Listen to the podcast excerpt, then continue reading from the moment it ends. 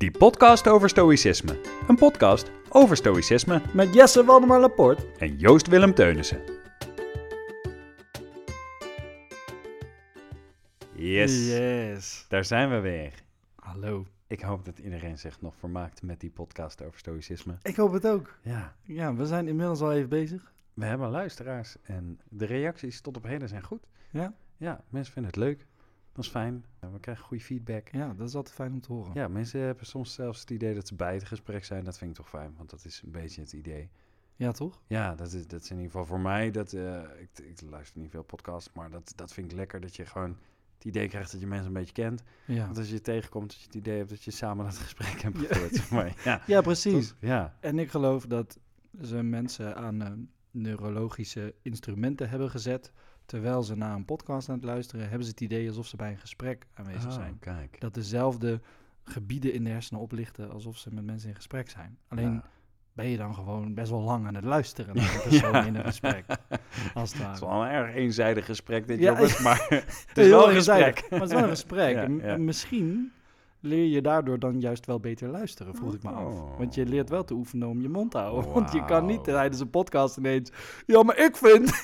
dat, dat de opkomst van podcasts gewoon ooit heeft geleid tot meer empathie in de wereld. Dat Wie weet. Ja, dat zou ja. een mooi romantisch beeld zijn, Nou, het, feit dat wij eventueel bij sommige mensen dat, eh, dat hersengebiedje hebben kunnen activeren, vind ik al iets heel dankbaars. Toch? Ja. Ja. ik ben ook heel blij dat we dit doen.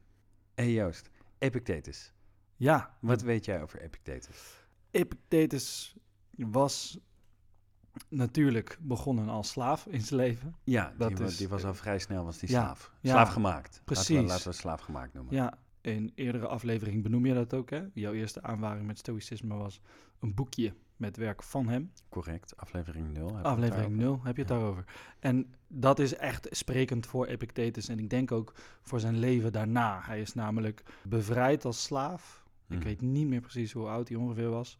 Maar hij is toen vrij snel filosofie gaan studeren en daarna gaan doseren. En hij is echt een begenadigd docent geweest vanwege zijn eh, educatieve methodes. En ja, hij zou ook vrij streng zijn geweest. En Mhm. hij had echt een paar hele duidelijke opvattingen over filosofie Mhm.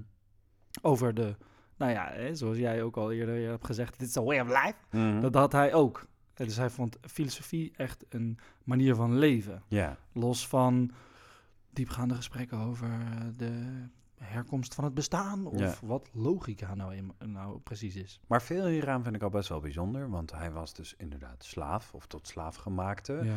En dat hij dan wordt gezien als een belangrijke filosofiedocent. Dat zou anno nu al best wel bijzonder zijn natuurlijk als we kijken naar... eh, nou, noem eens wat, dat een, eh, dat een fabrieksarbeider opeens een belangrijke hoogleraar wordt. Dat zouden we gewoon een, een bijzonder verhaal vinden. Ja. Maar daarnaast was Epictetus natuurlijk een hele luchtige vent eigenlijk. Dat is ook hoe, eh, hoe ik hem toen in ieder geval heb leren Ja. kennen. Dat hij heel eh, langmoedig naar de dingen kon kijken. En dat de anekdote over die man die zijn been brak, waar jij Ja. straks misschien nog iets meer over kan vertellen. Dat hij daar heel ja, gematigd mee om kon gaan eigenlijk. De- bijna onverschillig, Ja. maar op een soort voor mij best wel grappige manier. Dat is natuurlijk bijzonder, maar dat zo iemand dan vervolgens ook uitgroeit tot een strenge filosofiedocent, dat, dat vind ik ook behoorlijk bijzonder, moet ik zeggen. En dan is het dus ook nog zo dat hij een best wel, denk ik wellicht voor die tijd vooruitstrevende opvatting heeft gehad om te zeggen, filosofie is niet de zucht naar wijsheid of het stellen van moeilijke vragen, namelijk waarom zijn de dingen zoals ze zijn, Ja. maar dat filosofie eigenlijk de brandstof van je leven is. It's a way of life. En ik zie stoïcisme ook wel heel erg zo. Stoïcisme is veel meer een handvat voor je leven. Terwijl veel filosofie eigenlijk juist de grond onder je voeten vandaan haalt. Heel veel Ja. filosofie maakt juist veel onduidelijker hoe alles zit. Terwijl eh, stoïcisme juist een soort duidelijkheid geeft van Ja. hoe ingewikkeld het leven ook is. Je kan hier altijd op terugvallen. ja. Terwijl veel filosofie is juist, hé, hey, je valt op dit terug. maar het is helemaal niet zoals je denkt. Nee, zeker. Ergens vind ik dat ook jammer voor filosofie zelf, is dat het zo'n wollig imago heeft. Ja, En des te meer ik weet over filosofie, of des te meer ik te weten kom over filosofie, denk ik dat dat wel meevalt, dat imago. ja, Dat ja. dat door heel veel mensen is neergezet die niet verder kijken dan hun neus lang is misschien. Hmm. Want als je du- durft te onderzoeken en durft iets niet te weten, maar het te onderzoeken om iets te begrijpen, denk ik dat je er langzaam maar zeker wel kunt komen in, Ja. eh, in langzame stapjes. Jouw visie is een beetje veranderd op filosofie gedurende deze zoektocht van ons. Ja, zeker, ja. ja. Ja, je moet me niet vragen om metafysica uit te leggen. Nee. Maar ik Maar snap eens. ik begin, nee, maar ik begin wel stappen te maken Ja, richting eh, de filosofische leer. En daarbij behoud ik me natuurlijk vooral bij het stoïcisme. Hmm. En vind ik dat interessant. Maar des te meer ik me in het stoïcisme verdiep, des te meer ook eh, existentialisten ineens eh, om de hoek komen ja, kijken. ja, precies. En dat vind ik ook interessant. En dan ga ik even naar kijken en dan denk ik, oh ja, ja precies, nihilist, zo Ja. noem je iedereen. Eh, dat vind ik ook interessant. En dan denk ik, oh ja, maar dat is toch niet helemaal voor mij. Ik ga toch weer terug naar stoïcisme, snap Nee. je? Dus ik onderzoek anderen, maar ik ga toch weer terug. Ja, ik kan daar ook op aansluiten in de zin dat ik bijvoorbeeld Nietzsche heel anders ben gaan lezen. In het begin begreep ik daar niets van. Nietzsche. Sorry. En, en nu is het... eh, Je kan het ook niet ja, laten voor, de, voor de luisteraars. dit- Hij keek dit- me aan Dit kunnen we met ook- zo'n kuthoofd. Ja, we, we- kunnen dit er niet eens uitknippen. Deze geven we jullie. Nee, het is... eh, eh, Zo. ik, het, het werk dat ik nu van hem lees, lees ik in ook inderdaad veel meer vanuit een soort wezenlijk handvat juist willen geven. Omdat er al zoveel vastlicht en warrigheid is in de wereld. En dat filosofie eigenlijk zegt van hou je vast aan of deze wetten of deze vragen, maar niet aan waarop je in de regel vertrouwt. En Ja. Stoïcijnen zeggen natuurlijk ook van je vertrouwt veel te veel op dingen waarvan je denkt dat je ze kon controleren, maar dat is niet zo. Ja. Dus vertrouw op deze gedachten. En in die zin zeggen veel filosofen natuurlijk ook van, weet je, je hebt te veel vertrouwd op dingen die gewoon niet waar zijn. Je hebt Ja. te veel aannames en zorg dat je die aannames omschoffelt. ja, En dat, dat is natuurlijk wat filosofie veel doet. En da- in die zin is stoïcisme natuurlijk gewoon een hele praktische filosofie, omdat die zeggen, en dit is waar je wel op kan vertrouwen. En dat doen veel filosofen Ja. niet. Die zeggen vooral, stel de vraag. ja. En stoïcijnen zeggen eh, niet alleen stel de vraag, want dat zeggen ze ook, wees leergierig, maar ze zeggen ook pas dit toe in je leven om een goed mens te zijn, want dat is uiteindelijk het hoogste goed. En op het moment dat jij een goed mens bent, zul je een goed leven hebben gehad en kun je op elk moment sterven, want dat gaat sowieso Ja. gebeuren. Maar probeer in de tussentijd natuurlijk kennis te vergaren, goed mens te zijn, eerlijk te zijn, rechtvaardig te zijn, gedisciplineerd zijn, et cetera. Maar goed, ja. genoeg daarover. Ja, en dat is ook, ja, en dat is ook precies, om een mooi bruggetje te maken, dat is ook precies wat hij onderwees. Want Epictetus hield zich heel erg bezig met integriteit, zelfdiscipline en persoonlijke vrijheid. Ja. Dat waren zijn centrale thema's in zijn werk. Wat al een zijn- beetje lijkt te botsen. Als je tegen mij zegt, Jesse, zelfvrijheid en of zelfdiscipline en eigen vrijheid, dan zou ik al denken, shit, hoe moet ik die combineren, weet je wel? En dat is, dat is heel fijn dat iemand gewoon 2000 jaar geleden mij voorging en zei, nou zo. ja, toch? Zo moet dat. Ja, dat is fijn. Ja. ja, overigens wil ik eh, daarbij nog even zeggen dat dat werk van Epictetus, dat, is, dat heeft hij niet zelf opgeschreven. Hè? Dus dat we weten dat die, die thema's centraal stonden, is niet door hem zelf opgeschreven. Want Epictetus zelf geloofde geloof ik niet zo in het geschreven Hmm. woord en was daar niet zo van. En vond dat je volgens mij je leven moest beteren door met andere mensen in gesprek te gaan. En Een beetje zoals Seneca zei van, eh, don't just talk about good people, be- just be one. Be one, ja. ja, ja. Ja, en ik denk dat, nou ja, Epictetus misschien ook niet het geduld had om te gaan zitten en, en hele boeken, boekwerken uit te schrijven. Maar gelukkig, net zoals Socrates, En Plato. Precies, Socrates en Plato, Socrates had zelf ook niks opgegeven, dat heeft Plato allemaal voor hem gedaan. Zo had Epictetus Arianus, Mhm. een bewonderaar en schrijver, hè, is altijd fijn, Ja. zeker met die combi, die eh, heel veel van Epictetus zijn lessen eh, Was het- aan ons heeft overgedragen. Was het ook een leerling of was het vooral een bewonderaar? Ja, dat was ook een leerling van hem. Oké, ja. Nee, want dat, dat, scheelt natuurlijk, denk ik, een beetje. Want kijk, als, als ik iemand heel erg bewonder, dan krijg je natuurlijk een zeer subjectieve beschrijving. Ja. Sowieso hebben we al een, een soort vertaalslag ertussen die het misschien iets minder betrouwbaar maakt. Maar als het een bewonderaar was, kan ik me voorstellen dat hij misschien niet in dezelfde tijd leefde of niet zelf. Maar het was dus ook een leerling. Dus hij heeft wel echt meegeschreven met de lessen die echt aan hem ook gericht waren. Nou, en flink ook, want er zijn acht boeken verschenen. Joh, Ja, ja. Nou, allemaal gedistilleerd uit het werk van Epictetus. Hij heeft even doorgeschreven. Ja, ja, ja, maar hij dus wel. Dat vind ik ook wel heel mooi, dat Epictetus dan zoiets heeft van, ik doe mijn ding wel, Ja, En als het werkt, iemand eh, schrijft het vanzelf wel op. Als- en dan komt het Nou wel. ja, waarschijnlijk niet eens. Maar soort, als jij het wil opschrijven, is goed. Ik Ja. ben gewoon intussen... Ik doe goed- gewoon mijn eigen ik, ding. ik ben een goed leven aan het leiden. en als dit is wat jij moet doen, dan is dit Ja, wat precies. jij Dan is wat jij moet doen. Ja. Ja. Hey, we hebben het vaker gehad over het boek eh, Daily Stoic, geschreven door onder andere Ryan Holiday Zeker. En Steven Hanselman. en Steven Hanselman. En eh, dat is een boek waarin je elke dag een quote voor je kiezen krijgt. Dan wel van Epictetus, dan wel van Marcus Aurelius, dan wel van Seneca, heel soms van iemand anders. En daar geven zij zelf een kleine toelichting bij. En dat boek dat heeft 366 quotes en toelichtingen, zodat je het elk jaar, elke dag zou kunnen lezen. Ik ben dit jaar gewoon op 1 januari begonnen aan dit boek. En ik heb even teruggebladerd en gekeken. En op 18 februari had ik er eentje die Bereid je voor op de storm heette. En dat is wel grappig, want rond die tijd, zo rond 18 februari, waren er ook een paar stormen in ons land. We hadden Corrie en we hadden, nou ik weet niet meer hoe al die stormen heten, maar het was grappig dat in die tijd was, Ja. was de storm ook een, een reëel punt in, in 2022 dan. D- dat was gewoon even grappig dat dat eh, met elkaar overeenkwam, terwijl Ja. het boek natuurlijk al twee jaar eerder uitkwam. Hoe dan ook, zij beginnen met een quote van Epictetus en daarna de toelichting en die wilde ik even voorlezen voor vandaag.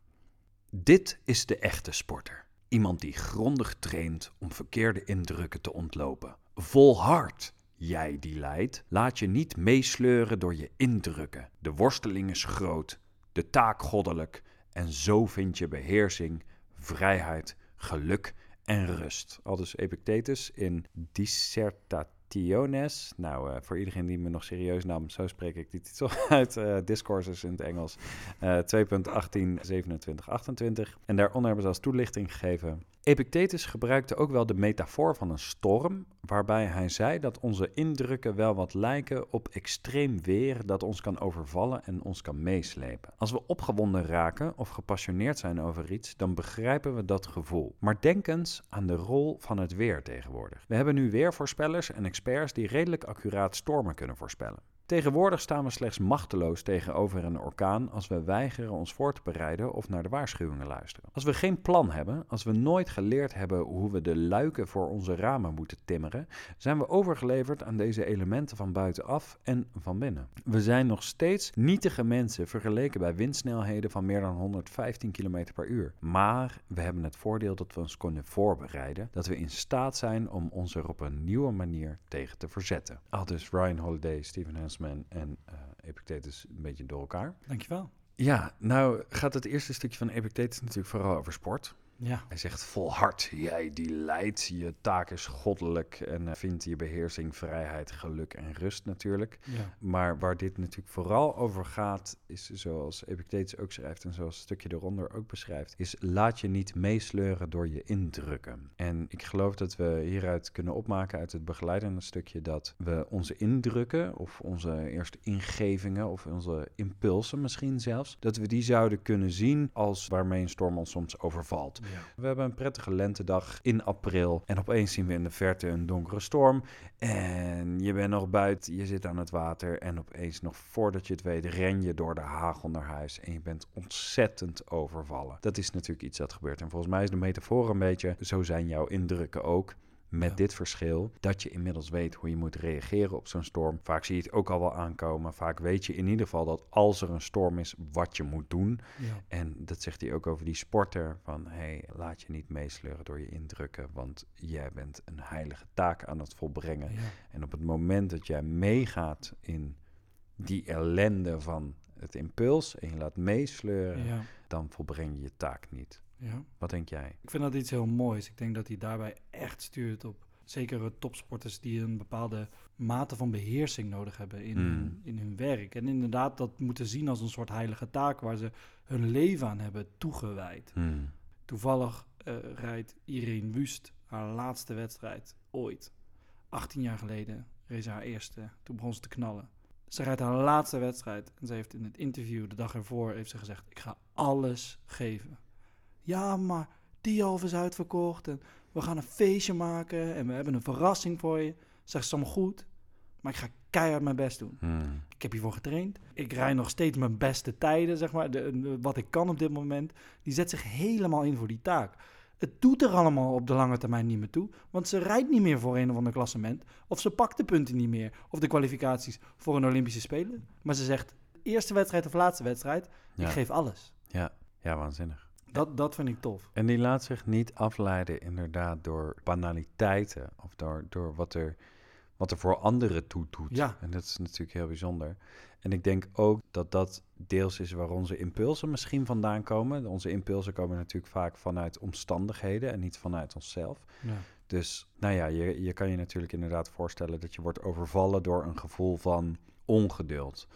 Of het gevoel van iets te missen, dat je ergens niet bij bent en dat je daardoor wordt overvallen. Of het gevoel dat je iets moet uitvoeren of ergens bij moet zijn om maar onderdeel te zijn van een groep. Of juist Ja. een gevoel van, van woede dat je natuurlijk kan overvallen. Dat zijn allemaal impulsen die er natuurlijk op lange termijn helemaal niet te doen. En zeker niet te doen voor het leven dat jij wil leiden. Op het moment dat jij wordt overvallen door een gevoel van ongeduld, wat natuurlijk gewoon kan. Bijvoorbeeld, Ja. we hebben het vaker gehad over in de rij staan bij de kassa dan word je overvallen door zoiets. Maar als jij een goed leven wil leiden, draagt het dan bij aan een goed leven om boos te worden op die persoon voor jou in de rij. Dat soort dingen, dat zijn denk ik de kleine impulsen en de grote impulsen zijn natuurlijk inderdaad Ja. een soort, ik, ik moet dit doen om ergens bij te horen of dit is op de lange termijn goed. Dus laat ik maar eh, gehoor geven aan deze kortstondige impulsen, Ja. terwijl je dat misschien helemaal niet verder brengt. Ja, en om terug te komen op jouw eerdere stukje over de thema's van Epictetus. Ik denk namelijk dat dit is wat hij bedoelde met zelfdiscipline. Mhm. En door die discipline, door jezelf op sommige momenten daarin te, te temperen, te, misschien wat te corrigeren, Mhm. eh, ontstaat er dus ruimte voor iets anders. En ontstaat er dus ruimte voor eigen persoonlijke invulling. En ik denk dat hij dat misschien bedoelde met de vrijheid die dan ontstaat. Ja, schiet me nu te binnen dat die metafoor misschien wel heel beeldend zou kunnen werken voor onszelf. Dat op het moment dat wij worden overvallen door een impuls of door een gevoel of door een emotie, wat iedereen kan overkomen en wat de Stoïcijnen dus ook helemaal niet uitsluiten. Ja. Die zeggen niet, eh, je mag niet voelen, eh, om dat weer even recht te zetten. Ja, Maar dat we dat misschien inderdaad kunnen zien als een donkere wolk aan de horizon die heel snel komt aandrijven. Dus dat je op het moment dat je ongeduldig wordt of dat je boos wordt of dat er iets aankomt, dat je kan zien, hé, dat is een donkere wolk. ja, En dat is dus niet wie ik ben. Dat is, dat is gewoon iets dat er gebeurt. En ik kan me hier tegen weren. Ik kan, ik kan me hierop voorbereiden. Ik weet hoe ik hierop moet reageren. En dat is inderdaad misschien die zelfdiscipline. Dat je dat op een gegeven moment gewoon kan zien als het weer. En niet als zeg maar de omstandigheden op de aarde zelf. En hoe je Ja. daarop reageert. En op het moment dat jij die emoties en die opwellingen die er eigenlijk komen, gewoon Ja. kan zien als het weer. En weet, nou, dan timmer ik dus de ramen dicht. Mhm. Of dan ja. dan steek ik een paraplu op. Of dan weet ik wel. Of dan ga Ja. ik dansen in de regen. Dat maakt niet uit wat je reactie ook is. Maar dat je dus inderdaad begrijpt. Zo moet ik reageren op dit soort opwellingen. Ja. En niet alleen maar geschrokken. Oh nee, wolken, huilen, Ja, verschrikkelijk, rennen, ellende. Ik, ik wil dit niet. En dan gewoon drama. En dat is inderdaad die zelfdiscipline die je benoemt misschien. Dat je dan dat ook kan zien als, nou, dat is het weer. Dat is een opwelling. En ik weet hoe ik hiermee om moet gaan. Het heeft geen zin om te vloeken. Ja. Dit is wat ik moet doen. Maar Ja. ik moet er vooral niet in mee willen gaan. Want daar wordt het niet beter van. Ja. Dus dit is het dan. Ja, precies. Het schijnt ook dat eh, Epictetus harde lessen had voor mensen die, zoals hij, van origine geen slaaf waren geweest. Mhm. Maar hij noemde ze dan wel slaaf van hun eigen impulsen en, en, Ja, ja. en eh, driften. Ja. Maar als we Arianus mogen geloven, heeft hij mensen verweten dat ze meer slaaf waren geweest dan hij zelf. Omdat die mensen zich allemaal laten leiden door bepaalde gekke driften. ja. En Epictetus niet. Daar gaat het veel over in stoïcisme. Het gaat vaak over hoe we slaven zijn van onze driften, van onze bezittingen. Ja. Soms zelfs slaaf van de tijd en, en hoe we slaaf zijn van van alles. Ondanks dat we geen slaaf zijn in de praktijk, maar dat we onszelf slaaf maken. En dat is wel, dat vind ik een hele harde natuurlijk. En ik, ik durf dat ook echt niet tegen iedereen te zeggen. Een soort van, nee, maar Nee. dit is hoe het is. Ja. Eh, maar ik- Luister, eh, slaaf. Nee, ja, precies. En dat een soort van, nee, jij weet niet wat slavernij is. Kijk, Ja. dat, dat is helemaal niet iets wat ik iemand wil vertellen. Maar ik vind het inderdaad wel interessant dat we onszelf dus inderdaad kennelijk kettingen omleggen, als het ware. We doen onszelf boeien om door onszelf zo vast te houden aan wat we belangrijk vinden in sociale context, in bezittingscontext, in Ja. wat we nalaten, dat soort dingen. En dat we daar misschien wel keuzes in maken die ons niet ten goede komen, maar omdat we het idee hebben dat we dat moeten doen. Ja. En daarom dus inderdaad slaaf zijn van onze bezittingen. Of soort van, oh, ik moet dit zeggen, want dan vinden ze me tenminste leuk. Ja, dan ben je dus wel slaafs bezig. Want ja. als jij dat eigenlijk niet wil zeggen, Maar je zegt het om leuk gevonden te worden. Ja. Wie is dan de baas over jou? Ja. Jij niet. Nee, nee, dan ben je een soort van slaaf van de opvattingen van de ander. Ja, ja, precies. Ja. Ik kan me voorstellen dat, dat dat inderdaad voor veel mensen een confronterende, harde les is geweest. Maar als je erover nadenkt, hij komt denk ik wel het beste aan als je hem direct brengt. Ja, In, ik weet dat ze in bepaalde eh, trainingsvormen en coachingsvormen heb je een, een heel provocatieve vorm. Volgens mij is het daadwerkelijk provocatieve training of provocatieve coaching. Mhm. Waarbij je mensen ontzettend op de persoon gaat uitdagen. ja. Ik eh, wil Letterlijk die- wat Epictetus Ik wil die training nooit doen.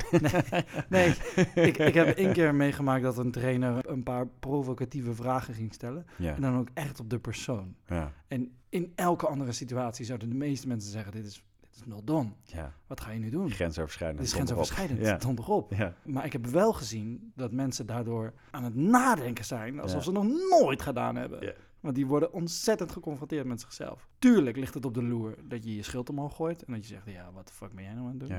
Wie, dan wie ben jij om deze vragen aan mij Maar als je het dan durft om op het inhoud te blijven volgen en daarop in te gaan, zit daar wel een, een leerstof, zit daar iets om in te groeien. En dat doet natuurlijk soms pijn. Dat, ja, groeien Ja. doet soms pijn. Ja, ja. Ja. ja. groeipijn noemen we dat. Hey. Ja, nee, ja dat, zo is het natuurlijk ook. En ik heb, eh, ik heb zelf voor mezelf heb ik ooit een aantal muntjes laten drukken.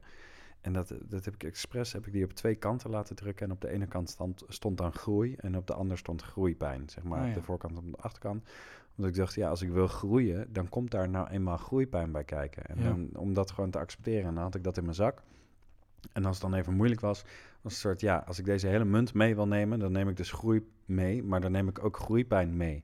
Ik had een aantal van die muntjes waarop dat dan stond, waar, waar, waar verschillende tegenstellingen op stonden, maar die komen nou eenmaal samen. Ja. En je Ja. kunt ze nu bestellen bij Yes. ja. nee, maar mooie metafoor ook. Abonneer nu en voor 500 euro krijg hem. Jij hebt munt. nou ja, doe het lekker zelf. nee, nee ja, maar ik heb dat gewoon voor mezelf gedaan. Om, om, om inderdaad af en toe even te onthouden. Net zoals je ook van die Memento Mori muntjes kan kopen. Dat is gewoon eh, even een reminder. Van ja, als, als je wil groeien, doet dat soms pijn. Ja. En zo'n les doet soms pijn. Nou, moet ik beginnen niet heel graag iemand die in mijn gezicht schreeuwt... eh, wat, wat voor confronterende dingen er allemaal met mij mis zijn... en Ja. dat ik daarvan moet leren. Maar anderzijds snap ik inderdaad wel... van soms is zo'n confrontatie gewoon nodig om te leren. Want ik denk dat wij als mensen gewoon niet zo geneigd zijn... om onszelf echt eerlijk aan te kijken en Ja. die spiegel in te gaan... en dan de verandering aan te gaan. Want een van de moeilijkste dingen ooit is jezelf veranderen. Laat staan jezelf eerlijk onder ogen komen... en daarmee aan de slag te gaan. Ja, dat is gewoon echt heel ingewikkeld. ja, ja. En ik denk dat, dat als we dat allemaal aan zouden gaan in deze wereld, dan was er ook helemaal geen oorlog. En dan waren er veel minder relationele problemen. Als we Ja. gewoon echt met z'n allen daadwerkelijk met onszelf aan het werk durfden te gaan. Dat we durfden te reflecteren. Dat we durfden te kijken naar eh, wie ben ik zelf en wat, wat kan ik verbeteren. ja. Dan hadden we wellicht ook veel minder vluchtelingenproblemen, dat soort dingen. Er was zoveel anders geweest in de wereld. Maar dat is gewoon heel moeilijk en heel confronterend. Dus in die zin is zo'n, is zo'n coaching wellicht ook heel goed ja. maar heel spannend en heel moeilijk. En hopelijk, nou Ja. kan zo'n zo'n podcast als dit dan een klein beetje Klein bijdragen. beetje bijdragen. Nou ja, of op zijn minst je daarover na te laten denken. Ja, nee, tuurlijk. Hè? En probeer eens bij jezelf te raden te gaan. Stel jezelf wel eens de vraag op het moment dat je bijvoorbeeld dingen buiten jezelf aan het leggen bent. Kijk dan eens goed naar wat is jouw aandeel en wat zou jij daarin kunnen doen. Of wat heeft dit met jou te maken? Ja. Ik of, denk dat, of laat dat- ik me, sorry. Ja, ga door. Of laat ik me nu meeslepen misschien door bepaalde impulsen Ja. die mij en een ander geen goed doen. Ja, precies. Of een sentiment dat leeft waar je heel makkelijk bij aan het aansluiten bent. In plaats van jezelf de vraag te stellen: Vind ik dit werkelijk? Ja. Neem de tijd om even daarover na te denken. Groepsdruk, dat soort dingen. Ja, Ja. hoe makkelijk is, de, is groepsdruk? Ja, Om gewoon mee te gaan in. eh, ja het is makkelijker om even mee te roddelen, Ja. omdat je het idee hebt dat dat de groep goed doet. En uiteindelijk eh, verliest iedereen op dat moment. Ja. Ja, zeker. Mooi. Waar het me ook aan doet denken, Mhm. is ons gesprek eerder over het weer. ja, En storm, die storm die Epictetus benoemt, die, die lijkt daar een beetje op in de zin van dat we ook ons laten meeslepen door het weer, als het ware. ja, want die anekdote was Als het regent kun je maar beter blij zijn, want als je niet blij bent, regent het nog steeds. Ja, precies. Ja, dat was een, een zin die we eerder in de podcast voorbij kwam. Maar die, zeker als we het weer hebben over het weer, over een van de grote dingen die je niet kan beïnvloeden, maar waar we ons oh zo graag door laten meeslepen, dan is dat een heel groot thema daarin. En dat is nog steeds heel lastig, want zeker in een jaargetijde waarin we heel veel regen zien, merk ik ook van, ja, nou, dik scheid. Ja, Het is weer regen vandaag. het is heel makkelijk om daar mee te gaan. Hè? Ja, Het is eigenlijk wel grappig dat het, dat het weer inderdaad zo'n impulsgevoelig fenomeen is. Inderdaad, dat op het moment dat het regent is het heel makkelijk om te zeggen... oh, bah, het regent, ik wil dit niet. Op ja. het moment dat de zon schijnt is het heel makkelijk om je daar ook door te laten meeslepen. Van, oh, ik ga bier drinken, ik ga nooit meer werken. en dat je dan een soort, inderdaad, het is heel in impulsgevoelig. de zon liggen. En ze zijn allebei niet gunstig voor de doelen die je wil bereiken. En, en ze helpen je in die zin allebei niet. Behalve dan dat je, ja, weet je, bier drinken, daar kun je natuurlijk heel gelukkig van worden. Maar op het moment dat jij ook dan gewoon andere taken wil verrichten, helpt dat ook niet. En dat heeft hij wel goed gedaan. Van het is inderdaad heel impulsgevoelig. ja. En dat ook als jij je eigen impulsen als dat weer kan zien, als zo'n donderwolk die eraan komt, ja, dan weet je gewoon wat je moet doen. Altijd rustig blijven. Ja. En kijk, hoe bereid ik me voor op die impulsen? En wat doe ik met mijn woede en met mijn ongeduld Ja. en met mijn boosheid en met mijn verdriet en met mijn rouw en met mijn blijheid en mijn passie?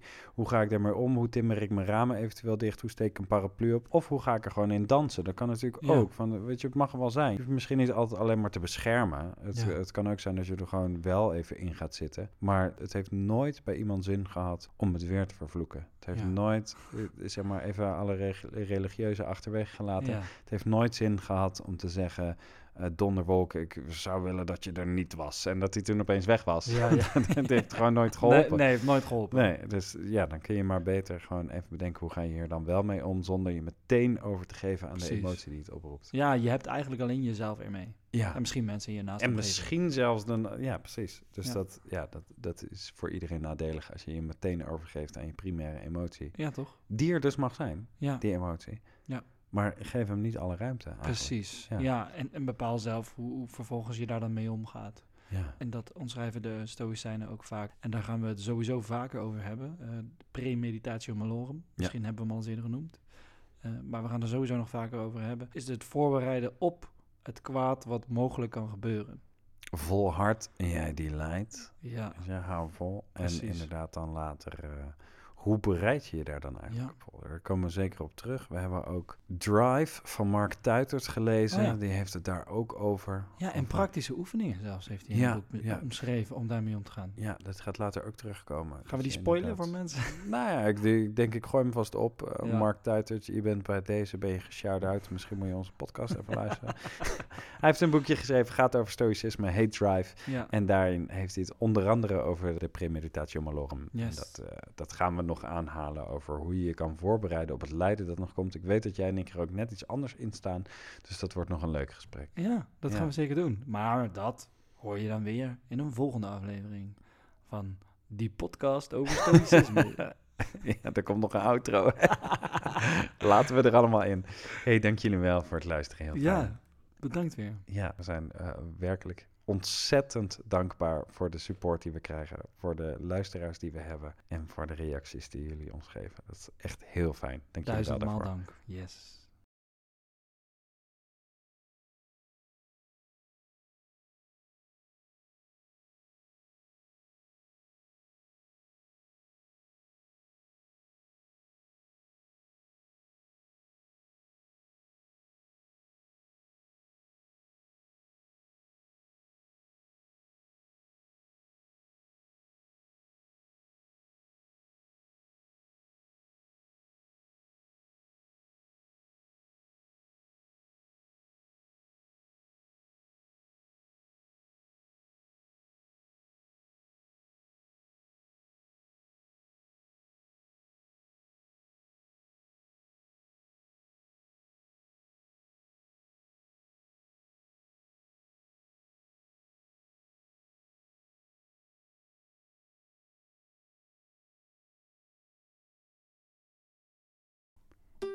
Dit was weer een aflevering van die podcast over stoïcisme.